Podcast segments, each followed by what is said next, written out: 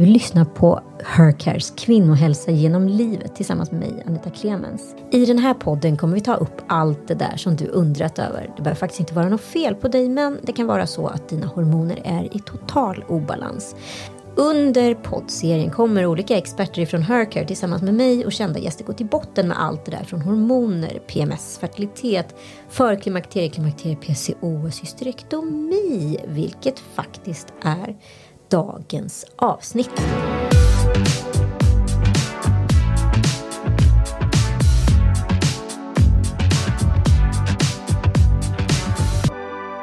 Med oss som expert i studion har vi Mia-Maria Hedblom, barnmorska hos Hercare.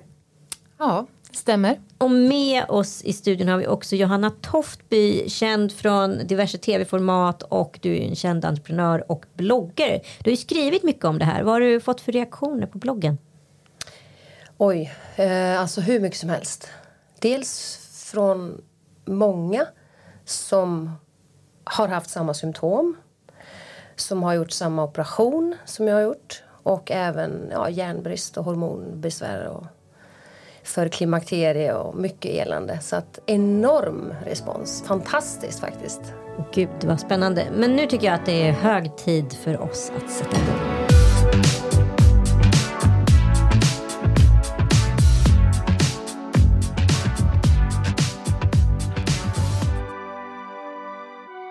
Men Mia-Maria, om vi börjar med liksom det medicinska. Vad är en hysterektomi?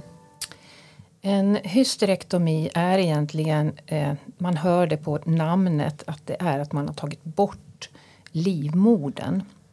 Eh, har man gjort en hysterektomi så förväntar jag mig, om jag läser det i en journal till exempel, att äggstockar och eventuellt äggledare också finns kvar. Eh, man tar bort livmodern och ibland också livmodertappen. Men, eh, men liksom, hur många kvinnor i Sverige har gjort det här? Det är faktiskt var tionde kvinna i Sverige. Det är den vanligaste operationen. Och det finns ju olika anledningar till att man tar bort den här livmodern. Så det kan ju variera, men det är en väldigt vanlig operation. Och hur går själva operationen till? Dels kan den göras som en titthålsoperation, alltså man för in ett instrument. Eh, och eh, den kan också tas bort genom slidan faktiskt, oftast då i kombination med titthålskirurgi. Eh, eller med ett operationssnitt då, i nedre delen av buken. Och varför utför man en hysterektomi? Ja, det finns som sagt många olika orsaker. Jag tror eh, att den vanligaste kanske är ändå att man har väldigt rikliga blödningar. Och då, då är det inte ovanligt att de är orsakade utav eh, myom en muskelknuta som ställer till det för många. Då. Eh, men det kan också vara en besvärlig endometrios. Man kanske har fått ett framfall som inte går att hålla tillbaka. Det kan också vara på grund av cancer som man utför den här operationen. Men Johanna, hur började mm. det här för dig? Vad var första ja, det, liksom, symptomen? Um, det började med att jag hade mm, svåra blödningar för några år sedan. Jag gjorde den här hysterektomin för ett år sedan, mm. drygt ett år sedan. Och för tre år sedan, jag cyklar ganska mycket, vi har varit i Alperna och tränat mycket och sådär. Och jag kunde liksom sätta mig på cykeln och cykla en kilometer och så bara panik. Det bara blupp liksom. Hur koaglar. Trots mycket mensskydd liksom och OB. så jag blödde mycket. Och sen fick jag mycket extra slag, hjärtklappning. Så jag visste liksom inte riktigt vad som var vad.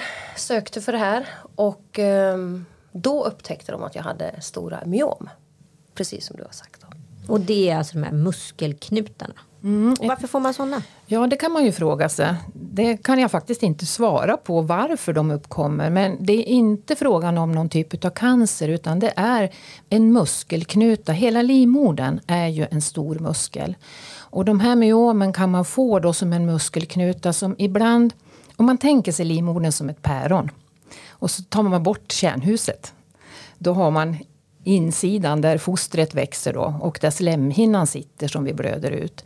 Och de här muskelknutorna kan ibland växa i utåt, alltså från livmodern och ut mot buken. De kan också sitta liksom i väggen emellan. De kan också växa så att de tar tar en del av utrymmet inuti livmodern. Alltså de buktar in emot den här håligheten. En del utav dem ställer till de här rikliga blödningarna. Men du, vad gjorde du åt det då? För att du sa, jag har liksom skrivit rätt mycket om att du har blundat för det. Ja, för jag är lite sådär hypokondriker av mig. Jag tycker det, fast lite tvärtom. Jag åker inte in till sjukhus. Jag är tvärtom. Jag tycker det är skitjobbigt. Så att jag var ganska rädd när hon sa att oj, sa hon, den gynekologen, du behöver ta bort din livmoder. Det sa hon direkt, för att du har ganska mycket myom. Eh, och jag har ju trott att jag har rikliga med blödningar på grund av min ålder. Jag var då kanske 44, 45. För det har jag också hört, att man kan blöda mycket liksom när det börjar att krångla lite i menscykeln och för klimakteriet och sådär. Så därför har jag inte reagerat på de här blödningarna. Ehm, utan jag bara frågar henne, måste jag operera bort livmodern? Nej, vi tvingar ju ingen så, men, men det kan bli jobbigt för dig. Så att jag, eh, jag åt tablett, medicin för att stoppa, minska blödningarna. Jag fick äta järntabletter för mitt järnvärde rasade så jag hade ungefär 5-6 i ferritin och det är ganska lågt. Mitt blodvärde gick ner till 80. Så att allt var bara kaos. Ändå blundade jag. Mm. Länge. Och hur länge blundade du? Tills det inte gick längre. Mars förra året. Då var det liksom, då blödde jag varje dag. Då hade livmodern växt så pass mycket så att jag var ju som jag var vecka 27 ungefär. Så att jag hade ju en livmoder när de opererade mig då, genom buken. Så var den ju 1,2 kilo. Oj. Och den ska ju vara som ett litet päron som, som du sa innan.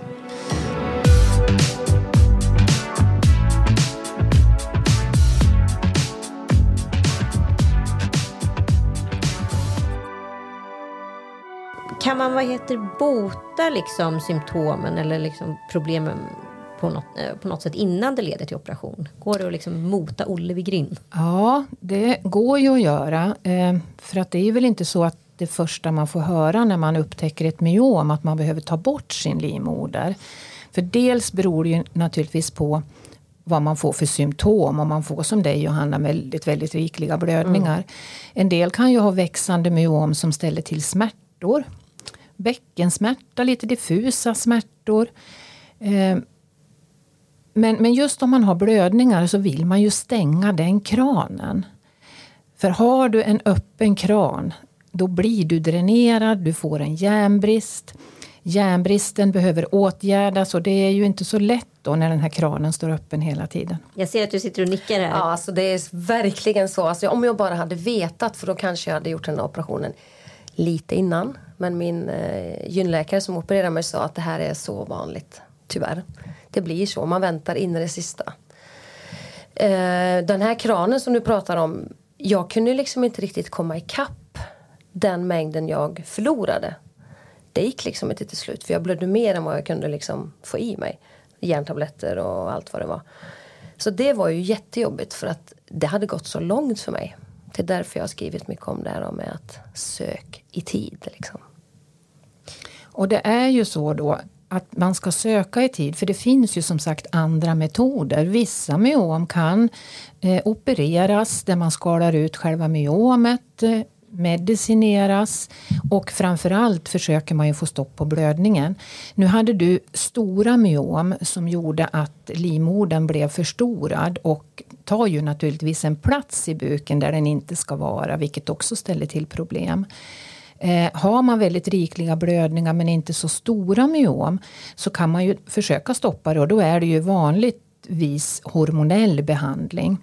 Där kan man ju sätta en hormonspiral för att eh, ta ner blödningsmängden med hjälp av hormoner eller tabletter. Eh, spiral kan ibland vara problem om det är så att det, det inte finns plats inuti livmodern om, om myomet har tagit upp den platsen. Men när, i ditt fall var det ju väldigt stort så att där behövde det ju den här operationen till. Mm. Men jag tänker också att det är viktigt att man får gå hem och fundera lite grann. Okej, okay, ska jag opereras? Vad innebär det? Att man hinner landa i det beslutet. För att det händer ju saker när vi utsätts för det här. Men vad är liksom konsekvenserna? Alltså, vad innebär det att inte ha en livmoder? Ja, vad det innebär egentligen är det nog många som tycker att det är ganska skönt. Kanske framförallt efteråt. Man blöder ju inte. Det finns ju ingen slemhinna att blöda ut. Eh, har man sina äggstockar kvar då, då har man ju sin hormonella produktion. Eh, kanske inte intakt, vi kommer till det längre fram, men eh, man har ju den kvar. Så att man får ju ofta höra att det inte är så stora förändringar, utan man tycker det är skönt att bli av med blödningen. Eh, men sen kan det finnas kvinnor som inte upplever att eh, den sexuella aktiviteten är lika förnöjsam längre. Eh, framförallt om man tar bort eh, livmodertappen, då blir ofta slidan lite för kort förkortad. Sen har det väl också med våran kvinnlighet att göra, att känna att det beror ju på vilken ålder man gör det här också. För det har ju också med fertiliteten att göra. Okej, okay, det här innebär ju att jag kommer inte att kunna få flera barn. Eh, så där beror ju på vart man är i livet när man gör den här operationen. Men eh, du har dina äggstockar kvar. Ja. Och eh, hur kändes det för dig? Vissa påstår ju då att man inte får några symptom efteråt. Att nu är allting borta och nu ska det vara bra. Först och främst så instämmer jag ju så varenda ord du säger om allt det här med innan och, och efter. Och att man ska landa i operationen. Framför allt var det det. Det var så stor operation för mig. Även om det är en rutinoperation för, för läkarna så var det fruktansvärt jobbigt för mig. För jag visste att det skulle vara en bukoperation.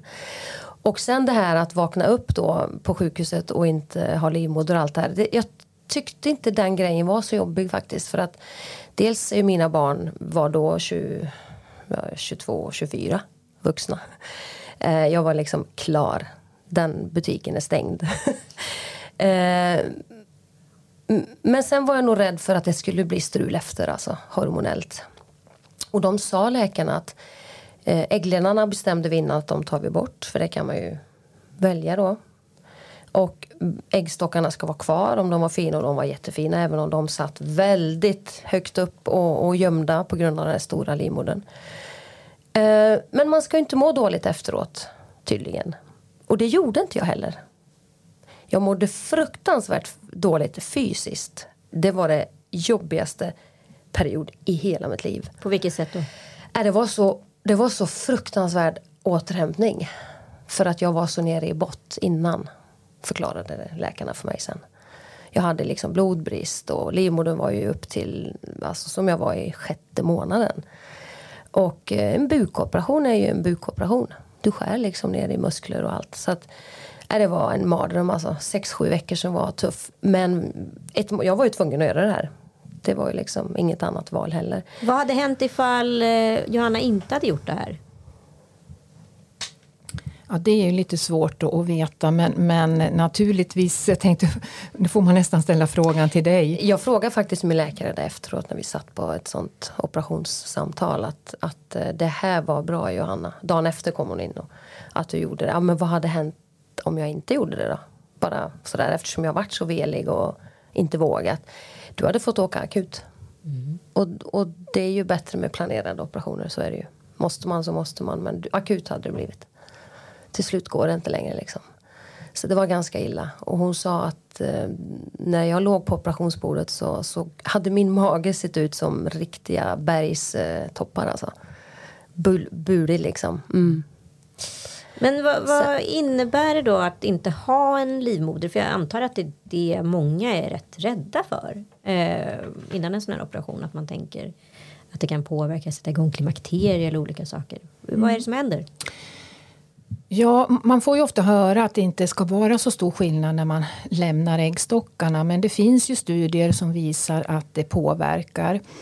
Och här behövs det flera studier för att riktigt kunna eh, säga vad det beror på. Är den grundläggande orsaken till operationen eh, som gör att man har risk att komma i klimakteriet tidigare eller är det själva operationen? Man påverkar ju blodcirkulationen i området. Så att även blodcirkulationen till äggstockarna kan man ju tänka sig bli påverkad och att då de inte fungerar hormonellt som de har gjort tidigare. Men man ser att man eh, kliver in i klimakteriet. Risken finns att man kan göra det. Och framförallt, det är en del kanske har en äggstock kvar medan den andra har behövt tagits med i operationen och där är ju risken högre enligt studier att man får eh, klimakteriebesvär eller besvär som påminner om förklimakteriet. Då. Eh, ja, pre precis som du säger det här med att man vet ju inte när jag, i mitt fall nu då, skulle komma in i klimakteriet. Jag tror att jag var på väg innan den här operationen för jag hade lite sådana här symptom som förklimakterie. Kände mig varm och eh, frossade ibland och sådär. Eh, men efteråt operationen mådde jag ändå bra psykiskt. Jag mådde jättebra, kände ingenting. Tills några månader efter operationen. Då hände det någonting. Fyra, fem månader efteråt. Och det är för att du har kvar dina äggstockar? Ja. ja.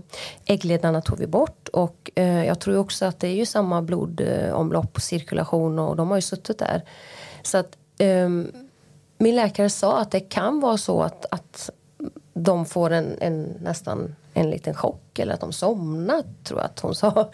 Eh, för sen började jag sova så otroligt dåligt. Och jag frostade ännu mer och jag frös och jag blev varm och framförallt hade så bedrövlig sömn alltså i augusti-september. Så där satte vi in eh, plåster, hormonplåster och östrogen. Och det var som att vända på ja, en, en vecka kände jag att det blev bättre. Humöret var jobbigt, jag var deppig också liksom och kände mig ångest och låg och ingenting var bra. Och jag förstod inte varför jag kände så. För att jag kände det ju så bra i månaderna efter operationen. Liksom. Så det hände någonting där. Ganska snabbt gick det. Och för vissa kvinnor kan det ta ett tag. Det kan dröja kanske ett, två, tre år men att man ändå går in kanske vid tidigare ålder än vad man skulle ha mm. gjort. Så att man inte riktigt är beredd. Jag trodde inte att jag var där än. Så det är väldigt olika. Och just det här att man inte känner igen sig själv. Och går det ett tag emellan så kan det vara svårt att förstå att det finns ett samband. Just det.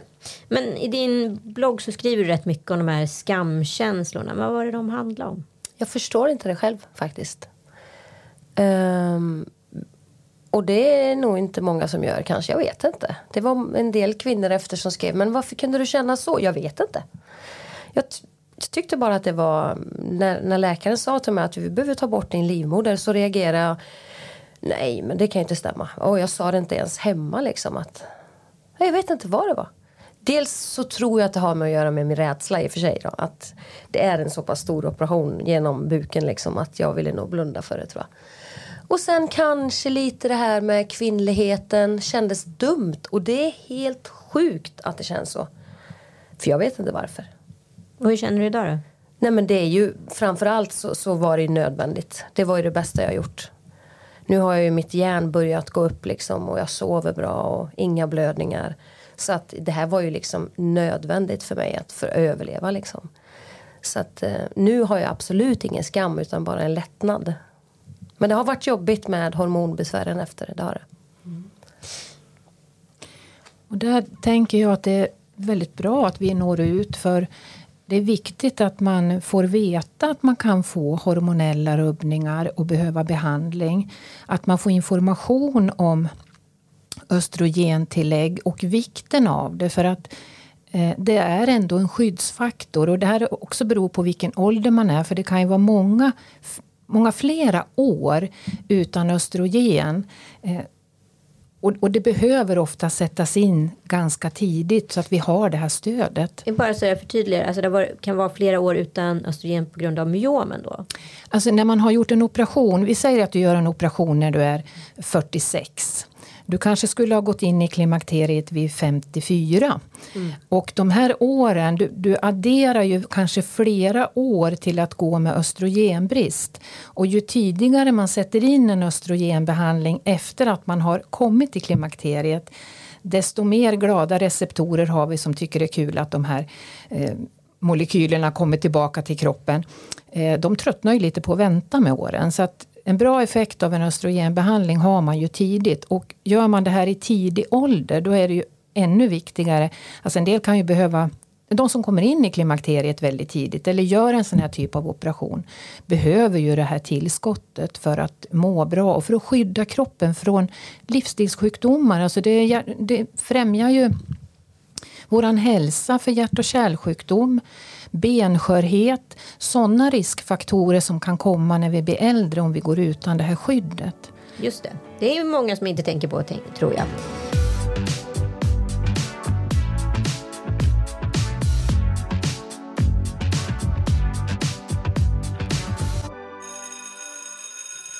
Hur mår du?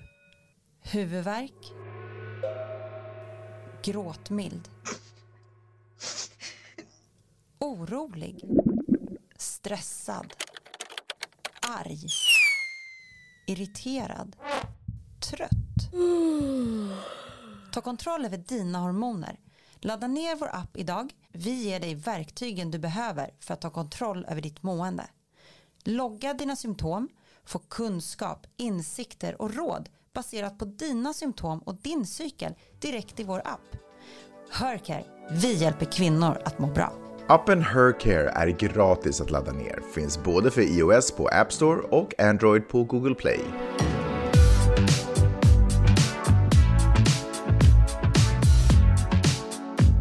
Men finns det några risker med den här typen av operation? Jag tittar på dig och Hanna, det är nog större risk att inte göra den då. För, för mig, nej men gud, då hade jag dött. Alltså jag kan inte gå och förlora blod och sen tuppar man av och kanske slår sig för att man tuppar av. Och, alltså, nej, nej, nej, nej, nej. För det är ju ändå så att man blir ju inte man blir ju aldrig tvingad till den här typen av operation men man blir ju heller inte erbjuden den här typen av operation om den inte är nödvändig. För här behöver man ju tänka ett varv behöver vi verkligen ta bort det här organet? Och ingen läkare lägger ju en patient på operationsbordet om det inte finns en bra anledning till det. Nej, alltså det är ju e- en organ, man tar bort bort ett organ ifrån kroppen. Och, och, jag förstod på läkarna från början egentligen att det här kommer jag behöva göra. Men jag blundade. Och jag behövde landa i det. Även om det var viktigt och man behöver göra det. Så behövde jag ändå landa i det för det var så jobbigt för mig. Tills jag träffade en, en eh, bestämd eh, gynläkare som sa att du kan inte gå så här längre. Och den läkaren passar mig jättebra. För då förstod jag, du kan inte gå med det här. Det här förstör hela ditt liv och du kommer få åka in akut till slut. Det kommer att liksom gå dåligt. Ja, det passade mig bra. Alla är olika men jag behövde ha en bestämd läkare som sa rakt ut.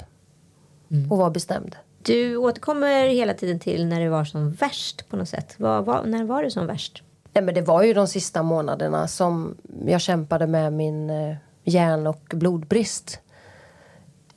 Det var som en... Eh, det bara liksom... Jag, jag åt järntabletter och jag försökte liksom göra allt för att stoppa. Och Stoppa vadå? Stoppa blödningarna men det blev bara värre och värre för varje vecka. Men svimmade du? Alltså, hur var Hade, jag var orkeslös, kunde inte träna. Hjärtklappningen var bedrövlig. Hjärtklappningen tror jag det var som allra, det var värst. Extra slag liksom. Och det vet vi inte riktigt. De tror att det kan bero på antingen att jag hade så mycket blödningar. Eller att livmodern var så stor så att den tryckte på en ven bredvid aortan, förklarade en läkare. Att det gjorde att jag fick så mycket extra slag och, och hjärtklappning, för det är ju helt borta. Det försvann samma vecka som jag opererades. Men jag tror det är rätt många som eh, undrar hur lång tid det tar att bli återställd.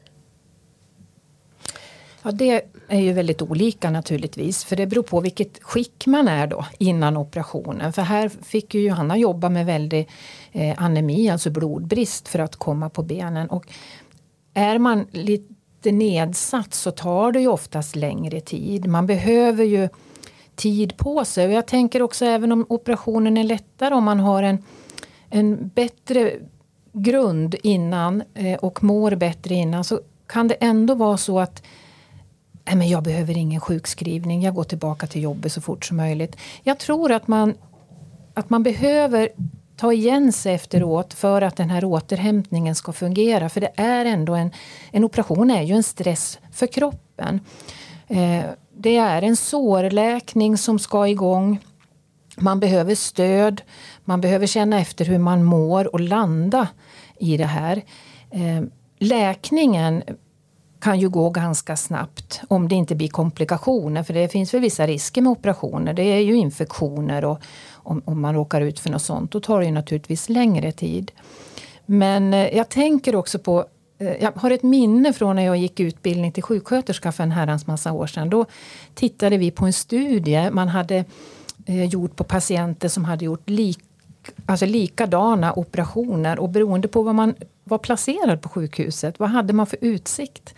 Såg man ut mot naturen eller såg man ut mot en asfaltsparkering? Och där kunde man se att de som hade tavlor på rummet som föreställde natur och lugn och ro, bättre utsikt, krävde mindre smärtlindring och fick lägre CRP efter operation och läkte mycket snabbare. Och här tänker jag att kan man ge sig själv tid efteråt att landa, ta emot en sjukskrivning och att försöka verkligen tala om för kroppen att det har varit en stor stress, men nu kommer det att bli bättre. Så det är liksom inte bara att gå in och göra en operation och sen gå tillbaka till jobbet? Nej, jag tycker inte det. Eller hur? Hur Nej, kände du alltså, det, Jag kunde ju inte ta mig till toaletten själv. Första veckan fick jag ha hjälp med allt. Precis allt. Men då är det alltså när man har öppnat buken, det är en bukoperation. Och, och en ganska, ett, det var ett stort ingrepp liksom och jag var sövd nästan två timmar. Och, så att det är annat också med om man ska göra titthål och vaginalt så att man inte skrämmer upp några här nu. Eh, men eh, efter några veckor, jag fick också infektion i eh, ett hematom som, som jag ska faktiskt operera mig igen nu i oktober. För att de ska fixa till buken har, eh, det har krånglat med ärret och det har satt sig fast inuti och sådär. Men eh, efter några veckor liksom så då var jag uppe på benen och mådde som sagt väldigt, väldigt bra eh, psykiskt. Det var en fantastisk känsla att ha det gjort. Och inga blödningar. Ja, men det låter ju underbart. Men sexlivet tror jag många är liksom oroliga för. Innan slash efter. Mm. Hur var det? Ja, det är inte så lätt med samliv när man har blödningar varje dag. Eh, det kan jag ju säga. så att det, det, är ju bättre. Jag har ju inga blödningar alls. Och eh, det är klart att eh, det, det var ju inte... Eh, vad ska man säga? Jag var ganska nervös kan jag säga, efteråt. Eh, för att jag har gjort, jag vet inte om det heter total hysterektomi eller när man tar bort liksom livmodertapp och... Total, då tar du äggstockarna också. Ja. Mm. Mm. Då är det allt utom äggledare, ägg, äggstockar. Så att jag har ju tagit livmodertapp och de, det är ju fantastiskt egentligen vad de kan göra. Att de har sytt ihop allt det här liksom och gjort en, ett tak ovanför slidväggen liksom. Så att, eh, nej men det fungerar bra men, men som sagt efter några månader så hände ju någonting. Då, eh, noll sexlust. Eh, och jag kände ju inte för någonting egentligen i livet. Så Allt var tråkigt. Där var ju någonting som hände med mina hormoner. De rasade på något sätt så dog äggstockarna liksom. Så att efter fem, sex månader. Mm. Ingenting var bra, ingenting var roligt. Och jag älskar att träna och jag har lagt på mig vikt, kanske åtta kilo. Um, så att, nej, det var, det var kaos. Mm. Är det här vanligt förekommande som Johanna beskriver efter operation? Ja, visst är det det. Det, det skulle jag tro, för att eh, det är ju en stor operation. Och så precis som du säger, det beror på vilken typ av operationsteknik man har använt. Men det är ändå ett större ingrepp. Eh, för det är ett ingrepp på ens person också, inte bara den fysiska kroppen. Det händer saker med våra tankar och känslor. Eh, sexlivet är ju viktigt eh, och påverkas väldigt mycket av hormonerna. Så får man en hormonsvängning, eh, en sänkning där. Eh, det påverkar ju också slemhinnorna. Vilket är viktigt eh, för eh, sexlivet. Eh, så, så det, det händer mycket. Eh, så det är många saker som kan påverka. Jag tänker på den här balansen mellan alla liksom, relationer, alla par. Alltså, hur kan anhöriga göra för att liksom, hjälpa bäst? Det är ju rätt många kan jag tänka mig som står handfallna när det kommer till just kvinnoåkommor. Mm. Jag tror att dels att man pratar om det tror jag är viktigt. Eh, för det finns ju, eftersom var tionde kvinna har varit med om det här, eh, så finns det säkert många där ute som säger att ja, men jag har också Mm. Så bara att prata om det eh, tror jag är viktigt. Sen vilket stöd anhöriga och så kan ge. För det är inte ovanligt det du nämnde tidigare att man har en sorts skamkänslor och förnekelse när man får en diagnos. Och det behöver inte vara en kvinnosjukdom. Samma sak, reumatologen kan vi ta som exempel. Det finns de som inte har berättat för sina anhöriga att de har fått en reumatisk diagnos. Eh, man pratar med kurator i teamet och med sjukgymnaster och så men man har inte riktigt berättat. Så det finns väldigt mycket skam och skuld och att man håller tillbaka. Men jag vet inte, vad har du haft för stöd? Vad tycker du är det viktigaste stöd en anhörig kan ge? Att finnas framförallt då första tiden med eh, alla liksom hem, gå till toan första dagarna. Att hålla, man kan inte vara själv. Utan fixa liksom lite mat. Nu hade jag noll matsug efter utan jag ville liksom bara ha ja, speciella konstiga saker. eh, finnas där hemma som, som stöd för att bara kunna hjälpa till med de vardagliga sysslorna.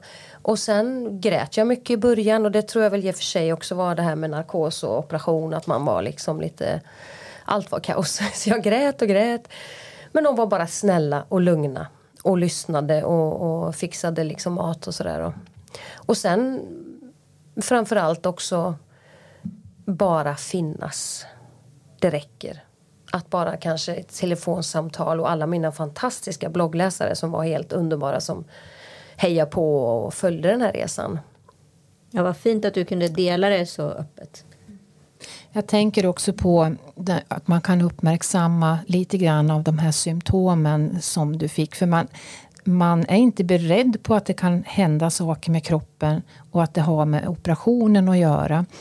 Eh, an, sexual, eh, livet är ju någonting som kan bli förändrat. Eh, men man får ju som sagt också andra symptom när östrogenet sviktar. Eh, och det kan vara att man eh, känner sig låg och deprimerad, man har inte lust till någonting. Eh, det vanligaste tror jag, om jag skulle beskriva hur, hur kvinnor upplever det, det är att jag känner inte igen mig själv. Mm. Jag har haft sånt driv, jag har hållit igång men jag känner inte igen mig själv. Jag känner mig låg och jag är inte deprimerad, säger de. Jag tycker det är ganska fascinerande. Jag pratar med många kvinnor eftersom det är mitt arbete. Och jag brukar faktiskt säga det till dem också. Det är fantastiskt för det är svårt att sätta ord på sina känslor och vad man upplever. Eh, men de använder samma ord för att beskriva. Jag känner mig liksom likgiltig. Jag har inget driv. Eh, jag kan känna mig ledsen. Eh, jag har börjat få ont i kroppen. Jag sover inte bra. Eh, det är inte det här typiska att jag behöver vänta in och svettningar för att förstå att jag är där. Utan ofta är det att jag känner inte igen mig själv. Du nickar Ja men precis varenda ord känner jag igen mig. Jag kommer ihåg när vi satt på en alptopp. Vi älskar att åka mycket utförs, ja längd också men vi älskar Alperna. Eh, vi satt på en alptopp på en helt magisk restaurang i vintras. Och det här var innan östrogenet hade liksom börjat hjälpa till 100%. Så jag hade haft östrogen i några månader men det hade inte riktigt sådär fått full effekt. Och vi sitter alltså och har en utsikt på 2800 meter och sitter på en magisk cool modern restaurang. Och ska äta en god pasta. Utsikten var den vackraste jag sett på många, många år. Och där sitter jag och bara känner mig helt likgiltig. Jag kommer aldrig glömma den lunchen. Jag var bara tom. Men är det inte helt fantastiskt här, sa han. Och vi, han vet att jag älskar sådana uh, utsikter. Och jag vet inte. Jag bara känner livet är helt skit. Och så sitter jag där uppe liksom. Det kommer jag aldrig glömma. Där kunde jag verkligen ta på den här känslan att jag känner inte igen mig. Och då blev jag ledsen för att jag var ledsen. Och sitta där liksom. Allt var ju bra och vi hade det bra. Det var jobbigt. Jag mm. kände inte igen mig det var knäckande och där kändes den känslan extra mycket för att vi var på en av världens coolaste platser som jag vet att jag älskar.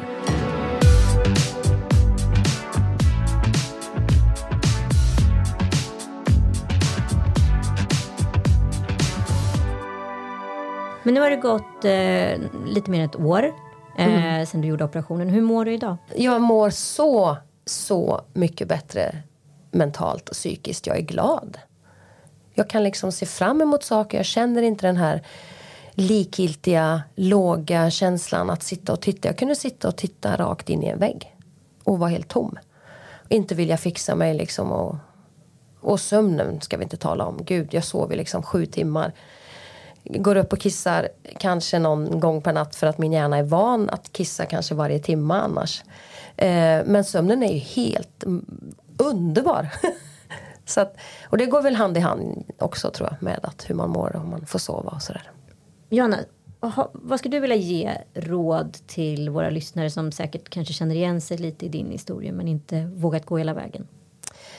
Eh, inte vänta för länge.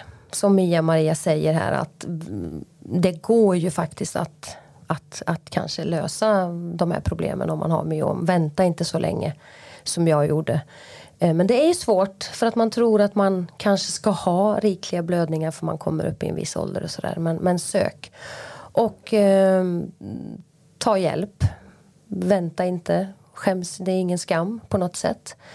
Det är väl framförallt det tycker jag att man ska liksom söka för det. Det är inte normalt att blöda koaglar och byta var tionde minut mensskydd. Um, ehm, så att uh, ta hjälp. Läs, uh, lyssna på poddar, läs bloggar.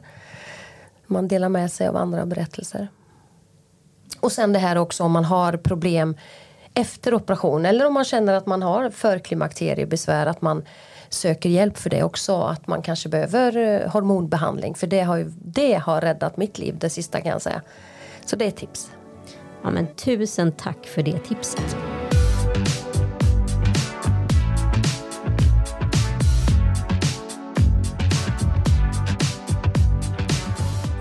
Tack snälla Johanna för att du var med och berättade om din resa och tack Mia-Maria som har en fantastisk guide för våra lyssnare. Vill man veta mer så kan man såklart gå in på hercare.se. Man kan också ladda ner Hercares app och symptomtracka och få kontakt med vårdgivarna. Eh, man kan också följa Hercare på Instagram såklart och där kan man alltid skicka ett DM. Tack för att ni har lyssnat. Vi hörs om en vecka.